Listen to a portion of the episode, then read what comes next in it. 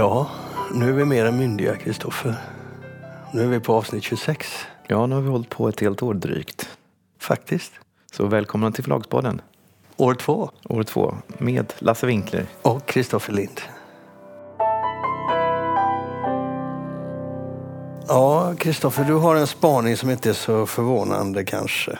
Ja, förvånande vet jag inte. Alltså jag tänkte säga några saker om Svenska Akademin. Det är ju så otroligt uttjatat och vi har läst så många analyser så att man, är, man, man spyr på dem. Men, men vi har en lite annorlunda ingång i det här. Shoot. Det har ju varit så många rubriker och så många artiklar som har skrivits på temat att Sveriges anseende i utlandet sjunker, att det kommer bli svårt att dela ut Nobelpriset och trovärdigheten för akademin är grund, i grunden helt sargad och sådär.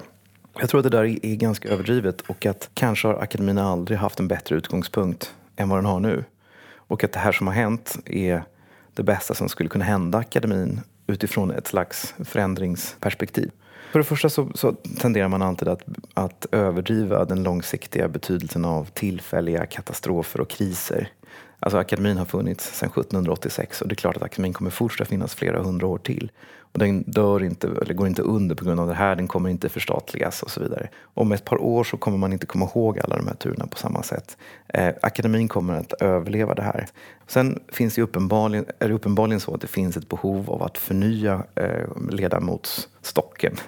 Och när så pass många nu avgår samtidigt, samtidigt som stadgarna skrivs om så att man kan välja in nya, då får man ju en förutsättning som bara kan jämföras med förutsättningarna som akademin hade när den grundades 1786. Så nu för första gången så kan vi byta ut nästan halva akademin i ett enda slag. Det måste vara en oerhörd vitalitet. Men det är kanske inte är de man skulle byta ut som stack. Jo då, det, eller nej, det vet jag inte. Det vet jag inte. Men jag tror ändå att i en grupp som har varit så sammansvetsad eh, och där man har suttit så pass länge så tror jag att det kan vara en oerhörd förny, förnyande kraft att man byter ut hälften oavsett vilka det är. Så att jag tror att där finns något väldigt positivt. Sen en annan sak som är väldigt positivt, fast man kanske inte tänker på det på det sättet, det är att jag såg en undersökning som visade att aldrig någonsin har så många kunnat namnen på alla akademiledamöter som nu. I Aftonbladet så har de haft eh, artiklar som, där, där det stått så här, så röstade ledamöterna, eh, Froston, Frostenson-laget, eh, Sara Danius-laget. Nästan som om man följer en hockeymatch har det ju varit. Folk har gått in på Expressen och eh, Aftonbladet och sett vad händer nu och vad säger Malmqvist nu och sådär. Och det här är ju naturligtvis något som är eh, på ett ytligt plan, på ett direkt plan förnedrande för akademin. Men jag tror, även om det kan tyckas långsökt, att det här, den här, det här folkliga engagemanget är väldigt bra på sikt. För det är också ett uttryck för att folk bryr sig om akademin. Det är inte bara freakshow, utan folk tycker att det här är någonting som, man, som angår oss alla. Och när folk går och demonstrerar i Gamla stan så är det också ett, ett uttryck för hur viktig akademin är. Och det här folkliga engagemanget tycker jag är helt fantastiskt. Jag tror att det finns något väldigt bra i det. Ja, det tycker jag är intressant också. Ja. För vi har aldrig sett ett sånt engagemang förut. Sen är det intressant också vad gäller Sara Danius. Eh, hennes böcker säljer ju mer än någonsin. Eh, jag köpte dem själv i helgen var på en fest där en person som inte läste böcker hade börjat läsa dem och sådär. Det är ju, kan ju vara en väldigt intressant vändning för hennes personliga karriär. Men varför köpte du dem i helgen? Jag var inne på Akademibokhandeln och något ska man köpa och eh, jag tänkte att ja, men du, jag fick lust att läsa dem. Det här kan vara en helt en fantastisk eh, vändning i hennes liv. Eh, för att vara en skrivande och eh, skapande person samtidigt som man är sändningssekreterare, det, det är helt oförenligt. Peter Englund har ju beskrivit hur ledsen han blev när han blev sändningssekreterare och eh, hur, hur eh, ja, han fick inte möjlighet att skriva helt enkelt. Det var många produktiva år som gick förlorade på det sättet. Ja, nej, jag tror inte att hon förlorar på det. Hon är så pass skärpt så hon kommer att göra sig synlig i, i viktiga sammanhang Absolut. framöver. Jag har ju följt det i media och det är väldigt tröttsamt att se de här dreven. Folk, eh, eller de som skriver, de har ju tappat, tappar ju liksom perspektivet på överhuvudtaget allting. Allting brinner hela tiden. De måste rusa in där och hälla liksom mer bensin på lågorna då. Jag tycker att Åsa Linderborgs senaste krönika som tog upp eh, Horace Engdahl och Horace Engdahls roll i, eh, i akademin. Jag tycker den var bra. Ja, den var väldigt bra.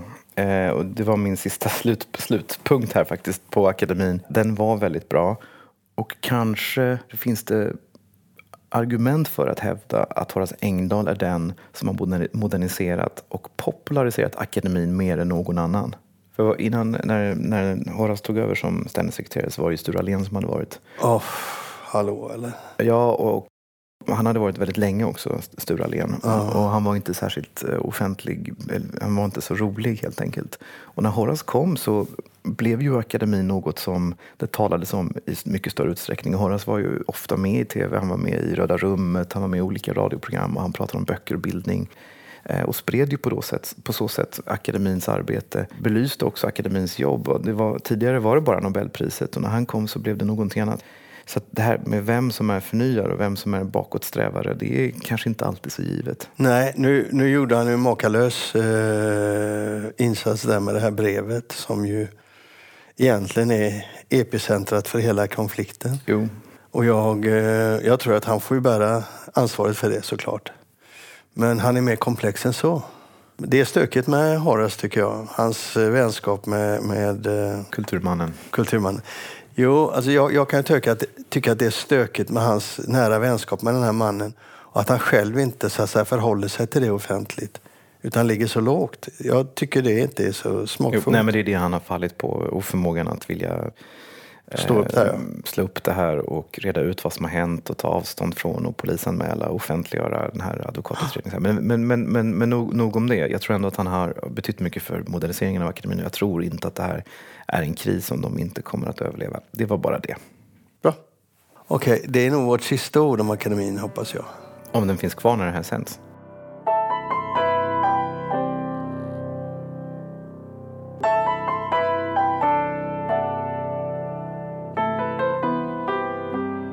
Kabusa gjorde konkurs här för ett tag sedan. Eh, Och då sa du det där ska vi återkomma till. Och då Ja, just så det. kändes det som att du hade någonting där du tänkte säga.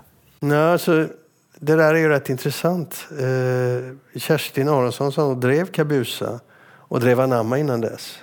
Och som slet otroligt med de här förlagen. Anamma blev uppköpt av Alfabeta. eller? Just det.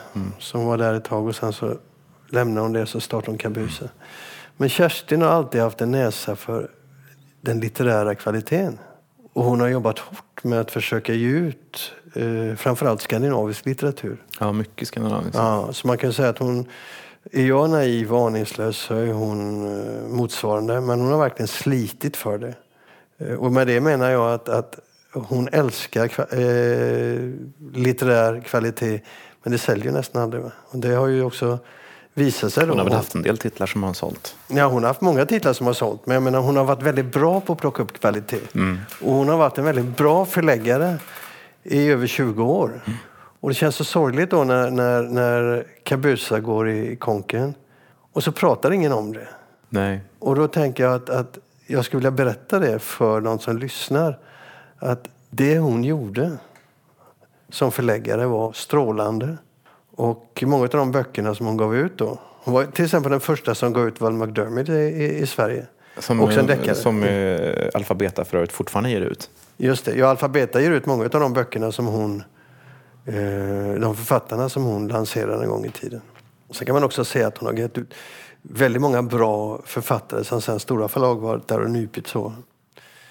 Men i slutändan så gick det inte. Hon försökte många gånger och förlaget gick upp och ner. Det är ett sånt litet förlag, de, de är beroende av eh, Och det var. Göteborgsbaserat också, eller hur? Göteborgsbaserat. Så. Men till slut räckte inte det. Men eh, jag vill egentligen bara säga det för att folk ska veta att hon gjorde en fruktansvärt bra jobb. Och eh, någon måste lyfta fram det jobbet hon har gjort. Det var det jag ville göra när jag sa det. Mm. Nej, men det, Det är värt att göra. det är värt att göra. Jag gick och funderade på det. Jag- Så nu, nu jag såg någon författare som råkade, lite illa, råkade illa ut när Kabusa gick i konken. För författarna råkade illa ut då. För då ska bankerna ha sitt först och främst. Och det slog det mig att de har inte kontroll över sina egna böcker. Men kanske ska man försöka köpa upp restupplagan om det finns någon av Peter Tempels böcker. Ha, ha, ha. Eh. Och ge ut den, ge bort den. till Jaha. folk. Nej, men du har väl plats i masthugget? I mina bokförråd? Ja, oh ja. Nej, jag är nog i, i, i, eh, på väg åt andra hållet. Jag rensar. Jag ger bort. Du dödsstädar. Nej, använd inte det ordet. Jag avskyr det. Jag tycker det är fel. Jag dödsstädar inte. Men däremot så eh, försöker jag skapa mindre. Jag vill ha mer yta. Och det har väl något att göra med att man blir äldre. Jag vill ha mer yta, mer ljus, mer luft runt omkring mig. Och jag älskar de här böckerna jag har men jag börjar ge bort dem. Varje gång jag kommer till Stockholm så är jag med mig på kassa så jag ger bort till folk. Så någon som lyssnar på det här som är intresserad av amerikanska deckare så kan du ju alltid ringa mig så finns det gott om sådana av mig att lämna ut.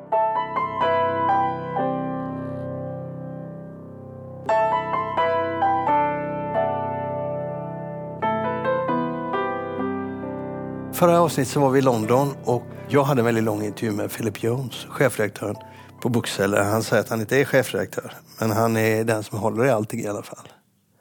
Så länge jag har känt honom har han varit den som håller i The Bookseller, eller de senaste åren. Nå, eh, vi fick lite över, framförallt det materialet som handlar om svenska intressen i Storbritannien som jag tycker vi ska köra nu ja, i det här avsnittet. Och vi kan ju säga så här att det här är ganska långt intervju med honom men den är mycket intressant och han är en av de som kan den här brittiska amerikanska marknaden bättre än någon annan. Så att de som inte vill lyssna kan ju bara stänga av och eh, då kan ni ta del av våran, våra snabbkommentarer här. Ja, alltså vad man ska säga här innan vi går in då det är ju att han är väldigt, väldigt eh, kunnig. Och hans eh, svar visar hur komplex branschen är men också hur lokal varje bransch är. Ja. Att allting är det man tror när man är i ett visst land att så här ser sanningen ut inom bokbranschen.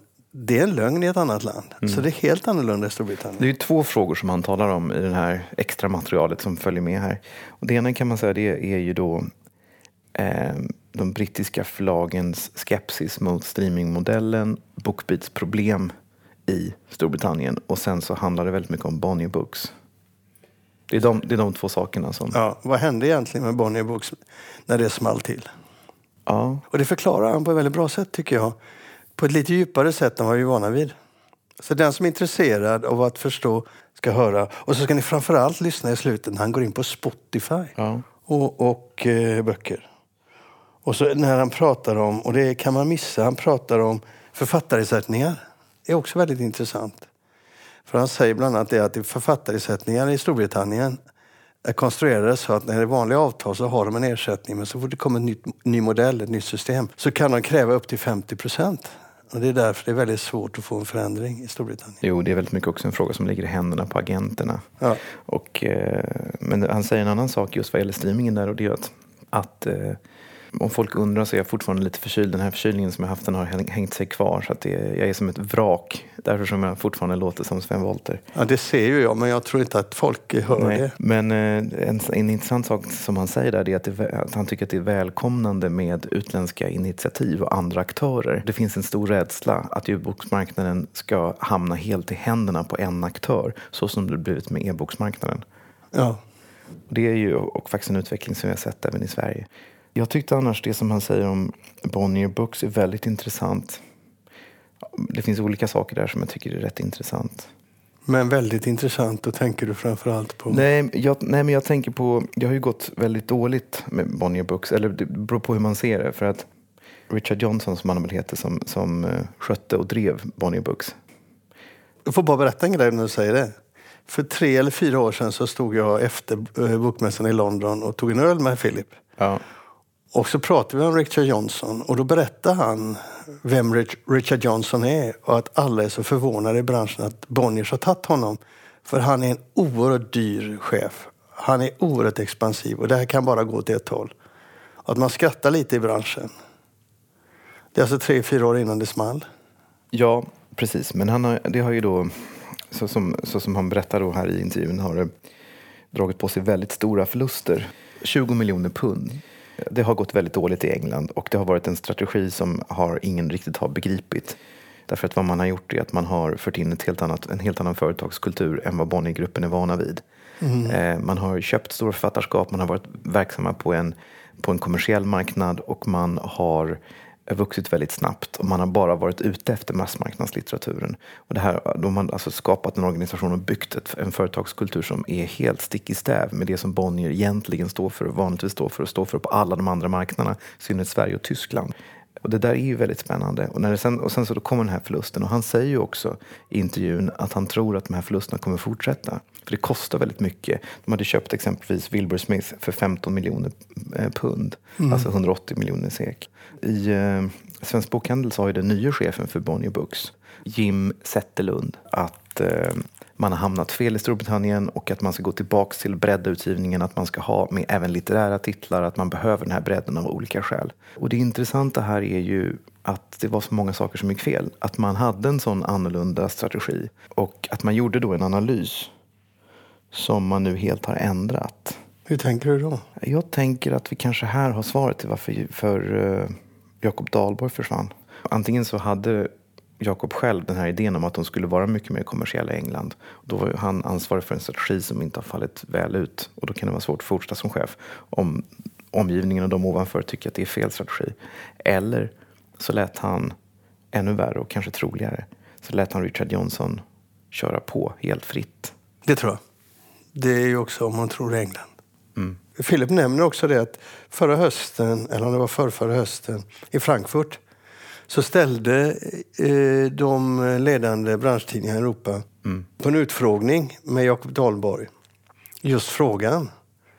Var det inte väldigt konstigt att man i England hade en sån massmarknadsattityd medan man i övrigt var ett mer komplext och komplett förlag mm. när det gäller litteratur i alla andra länder? Och då sa Jakob att det är ingen större skillnad. Och då säger ju Philip nu, men det var det ju. Ja, tydligen en extremt stor skillnad. Vad som slår mig när jag läser den intervjun då, vi, vi ska inte vara för långrandiga här för Philip kommer ju strax. Ja. Vad som slår mig nu när jag läser den intervjun i Svensk Bokhandel, det är hur lättvindigt han svarar på frågan när det ska vara klart och ändrat. Ja, ett par månader, en månad hit eller dit gör ingenting. Men är fundamental grundläggande förändring som måste ryckas upp med rötterna om du ska gå från ett, ett massmarknadsförlag till ett mer komplext förlag. Du får byta ut folk, du får ta in nya människor. Det är långt arbete. Det är ett långt arbete. Det är också ett arbete som kan bli ganska kostsamt för som Philip Jones också är inne på. Om du jagar den här typen av kommersiella titlar, köper över författarskap och bygger tillväxt genom att du köper på dig grejer så får du liksom inte sluta att investera. För det händer väldigt mycket på det kommersiella. Du måste vara oerhört trendkänslig och sådär. Det är en ganska dyr drift som krävs för att hålla, hålla verksamheten uppe. Ja. Nej, vi ska inte prata Nej. sönder det här, det kanske vi redan har gjort. Men vi lämnar över ordet till Philip Jones.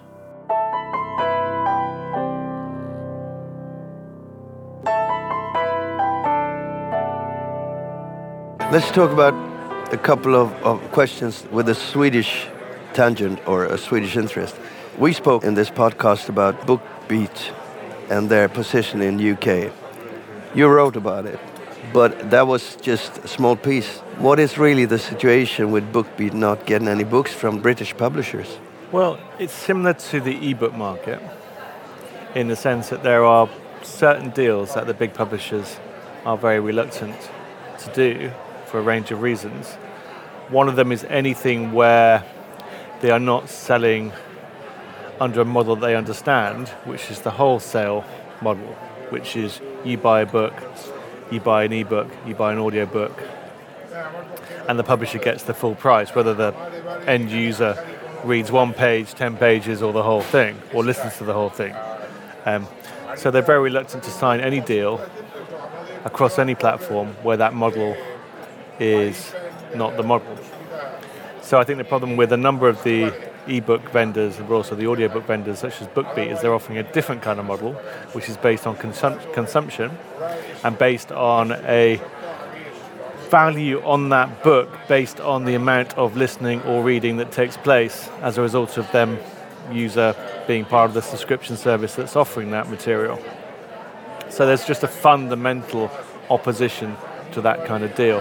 And it's not particularly that they don't like BookBeat, or they don't like the model that BookBeat is offering, which will differ in some respects than um, what Oyster might have offered a few years ago, or what Kindle Unlimited offers for self-published authors and small publishers.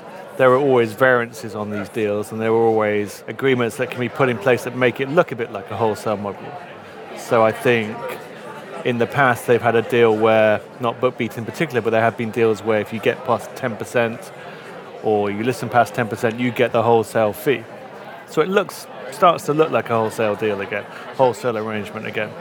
Um, the, so there's a fundamental opposition to those deals that are not familiar to publishers, and they don't want to sign them partly because I, I think they don't want to signal to the market that they are open to different kinds of deals, because um, they don't want to cross what for them is a line in the sand They don't want to be in a situation that the music publishers got into with Spotify, where you're looking at a growth market, lots of users, lots of attention, lots of subscription revenue coming in, but actually not going to the artists or to the music publishers, or in this case, the book publishers and the authors. So they're very reluctant to get to open up what they would regard as the floodgates. But there's also contractual reasons.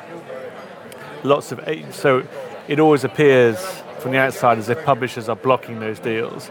Often it's not the publishers, it's the agents. And the agents are again very nervous about any deal that sidelines or or um, diminishes the amount of money that an author might get from such an arrangement. There's also a peculiarity, I don't know whether it's true in Sweden, but there's in UK author contracts, there's something called an ancillary right, which is um, essentially where a publisher is operating a different kind of business model or doing something different with that book, so for example, selling a film deal where the author has to get a bigger percentage of the, the, the royalty or the, or the fee that's paid and I think an ancillary, an ancillary right in the UK is around about 50%. So suddenly, if a publisher is seen to be doing a subscription deal that's different from the normal kind of publishing contract deal that they've got, the agent might say, well, actually, we want 50% of that as opposed to 20%. So it opens up a whole contractual renegotiation that, again, I don't think the big publishers want to get into. I think they would much prefer it that the audiobook publishers coming into this market, audiobook retailers, sorry, coming into this market, come up with deals that are very, very similar to the deals that traditionally they would have signed. And if you look at Audible's model, to a consumer it looks like a subscription.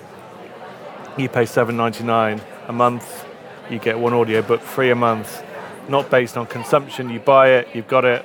Doesn't matter if you only listen to half of it or 10 minutes of it, you've still bought it that to me is a cleverer model because it keeps the publishers happy but also sells to the consumer the sense that they are in a subscription deal. Uh, there was something in publisher contracts a few years ago called the most favored nation clause, yeah. which um, was an Amazon um, contractual um, measure.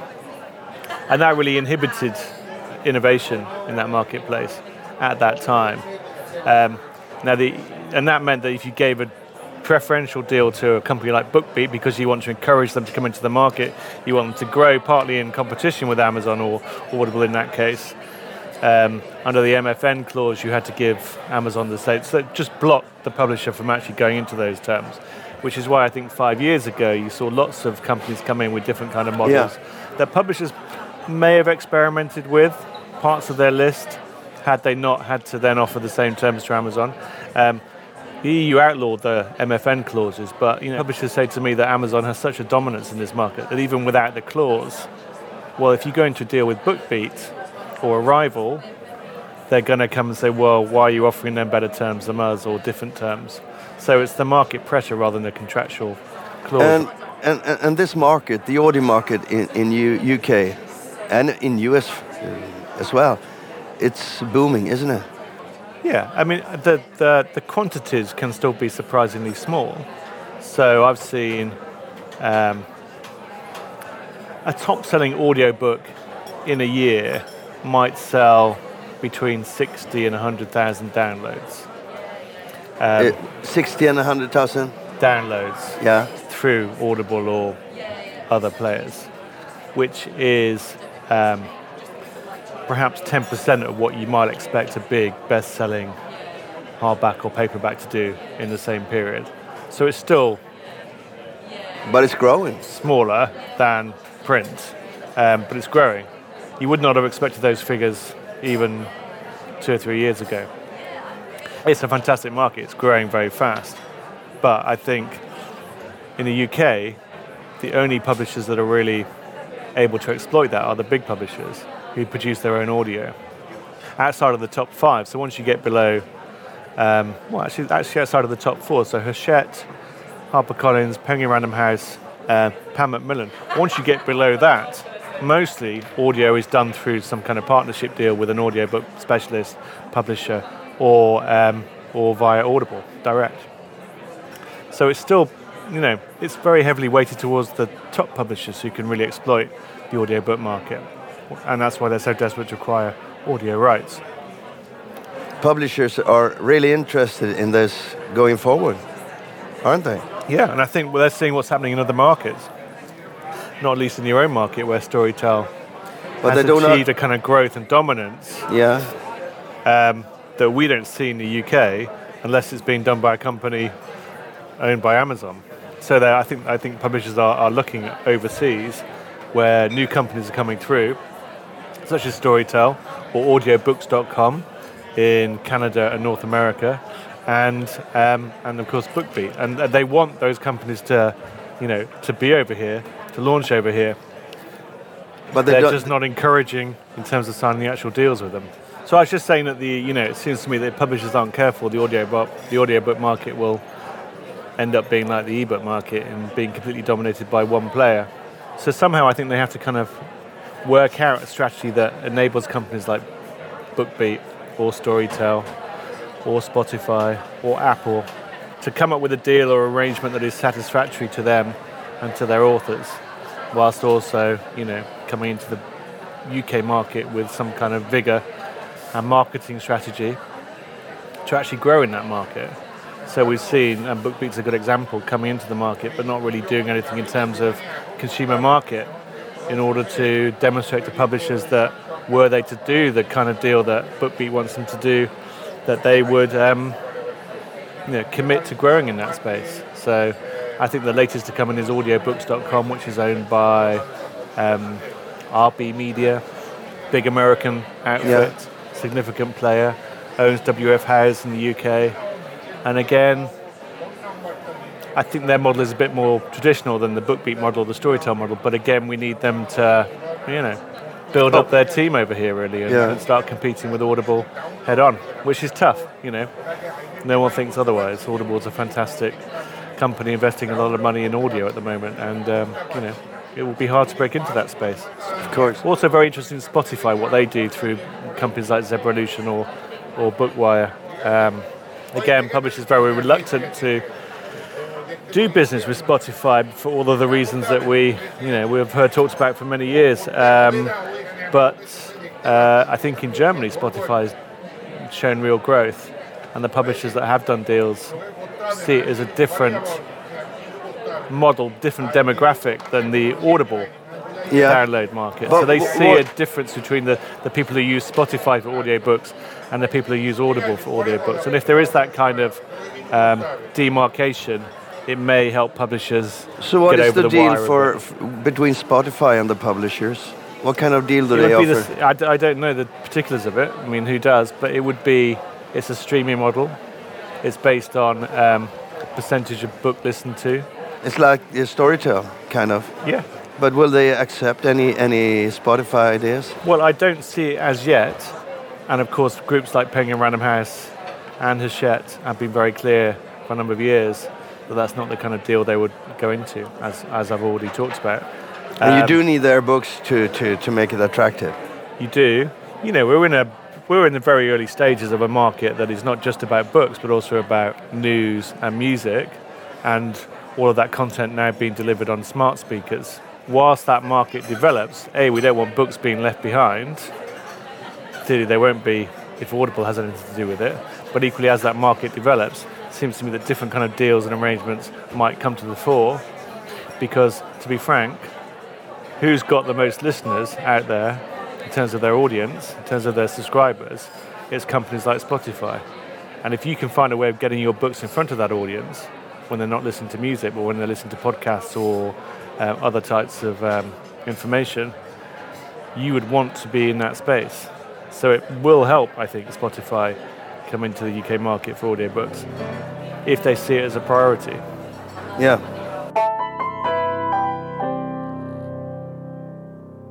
Let's talk about Bonniers a little.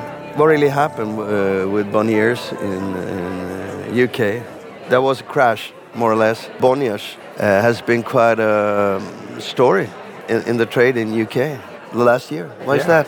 Well, um, Bonnier, the Swedish company, wanted to grow an English language publishing group. I think they bought Autumn Publishing, a small children's publisher, in 1999. So they've been in this space for um, almost 20 years. Um, but what happened, I think, from around about 2008 2011, 2012 onwards is that Richard Johnson, who ran the UK business, really started to become extremely ambitious about what he wanted to do in the UK and also the US, and was well supported by the Bonnier Media Group in Sweden. I think the problem was that it's expensive. And Richard was, to be fair to him, was pretty upfront about this. To, to get an author like Wilbur Smith or Lynda La Plante to move from, say, HarperCollins or Simon & Schuster, a prestigious, well-established trade publishing group in the UK that will get your book pretty much guaranteed to number one in the Sunday Times on first publication, hardback, year in, year out, to get those authors to move to a fledgling publishing business, a fledgling fiction business, Bonnier Zaffre, which is the name they, they publish the big fiction brands under in the UK, to get them to move from, say, HarperCollins or Simon Schuster to Bonnier Zaffre, which has, you know, good people there. Mark Smith used to run Quercus, but it's, uh, it's a new business. Um, to get them to move is an expensive operation. So there was a sense, certainly among rival publishers like HarperCollins, like Simon Schuster, that they were overpaying for these authors. Was it something like 15 million or at least a seven figure sum on Wilbur Smith, which included, I think, eight titles and his entire backlist, which they got from Pan Macmillan. An audacious, ambitious deal, but it's hard to make, turn that into proper money in the first few years. That is a mm, big investment strategy. And what I liked about Richard's strategy was, you know, I'm sure it's the same in Sweden, other markets. The, the publishing business is generally quite fixed, it's quite conservative. The big pub, I joined the bookseller in 1996, and the big publishers then are the big publishers today. So to break into that space, to become a top four trade publisher, which is clearly Richard's ambition, Richard Johnson, who ran Bonnier in the UK, was clearly his ambition. It's hard. You can do it organically, but it will take you years and years and years and years. Or you can catapult that growth by buying your way into it as you might do if you were a football team and you want to suddenly acquire all those Premier League or the stars. Costs you money. And that's what his strategy was. And the peculiarity, and it's been a peculiarity that people have noted, I think, for a number of years now, is that the business that Richard was building in the UK was nothing like the business that Bonnier had in Sweden. Or anywhere else. Or anywhere else, which was not a mass market commercially driven operation. I mean, they will have commercial books for sure, but it wasn't led in, in such a large extent as it had been in the UK around those commercial authors and the mass market, which is a hard marketplace. It's a fickle marketplace. What works today might not work tomorrow. It's not the same as literary publishing where you're building a, an author or a brand over a number of years and their books will stay alive for a number of years as a result of the quality of the writing. It's a different kind of publishing, different kind of marketplace. So it was always peculiar to us that Bonnier would want to build a business overseas, English language business, that was so very different from its heartland in Scandinavia. Never really made sense. And I think the argument was that well they thought that's what that's what English language publishing was about that it was very commercial, much more commercial, much more invested in the mass market. I'm not sure they were right about that. I think you've got to build a business that is catering to all tastes and all, all corners of the market in order to build something that's, in the end, going to be profitable and going to be something that you can look on as something to be proud of, which I think is what Bonnier were trying to do if you look at the heritage of Bonnier. So it, the disconnect between the two didn't make sense. And when I think we interviewed uh, when Jacob Dahlborg was interviewed at Frankfurt. Was it 18 months ago now? You know, we asked him about this on the stage, and his his view was that a the two businesses weren't that different, and that Bonnier in the UK would, in the end, start to resemble Bonnier Sweden. Well, a they were very different, and b to go from what Richard has built in the UK to what you have, Bonnier has elsewhere, is again another big investment they will have to make. The situation now is that they have to make that investment because they've talked about Jim Zetterlund, who's come in, has talked about building it into a fully fledged publisher. Well, that means growing the more traditional, more conservative, more literary side of that business, which, you know, doesn't really exist at all at the moment. And at the same time, publishing those authors that they have bought, like Lynda La Plante, like uh, Wilbur Smith, in order to try and make money out of the deals that they've done. So, whichever route they take, it's going to cost them more money. And I think last year they lost 20 million pounds, um, which I think is a big sum even for Bonnier to swallow. As we know today, meant that Richard Johnson was sacked, and so was uh, Dahlborg in Sweden before that. So uh, finally, they got the message. It's a story that we could have told a few years ago. To be honest, you told me this story a few years ago. You, you, you said these things to me a couple of years ago when we were talking at the London Book Fair. I remember. Also, to be honest, you were quite surprised that they let gave him free free reins, uh, doing whatever he liked, Richard Johnson, because everybody know him being a very expensive um, person running a, a, book company. Well, it's just that it's just that it's once you once you start to grow a business like that as aggressively as that, you need to keep investing. You can't suddenly stop because it's the investment that's generating, you know, the sales and the impetus to keep the business going. So, what do you think is going to happen to Bonniers in, in, in UK in the future, uh, the near future? Well, they've closed the Australian children's business they already, did. which I think was probably the only thing they could do. Been on the Bonnier stand this London Book Fair. The senior management team that Richard recruited are still there. They are saying it's business as usual. They are investing still quite heavily in um, commercial authors. I've not seen them yet buy an author that suggests to me that that business is changing direction, but that, that will take time. I think whatever they decide to do, it's going to cost them money.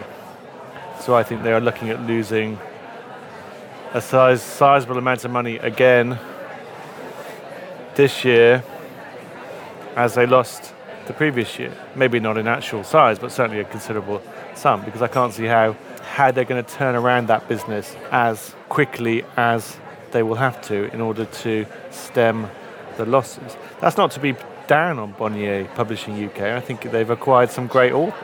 They will, Lynda La Plante will be a bestseller. Wilbur Smith will be a bestseller. The mistakes they've made have been similar mistakes as to what other publishers. They are, I think, now in the same situation as many trade publishers in that they need a, a big bestseller in order to um, be seen and be uh, attractive. Yeah, but also just to paper over the cracks. That, that too. And that's not a strategy that's unusual in trade publishing.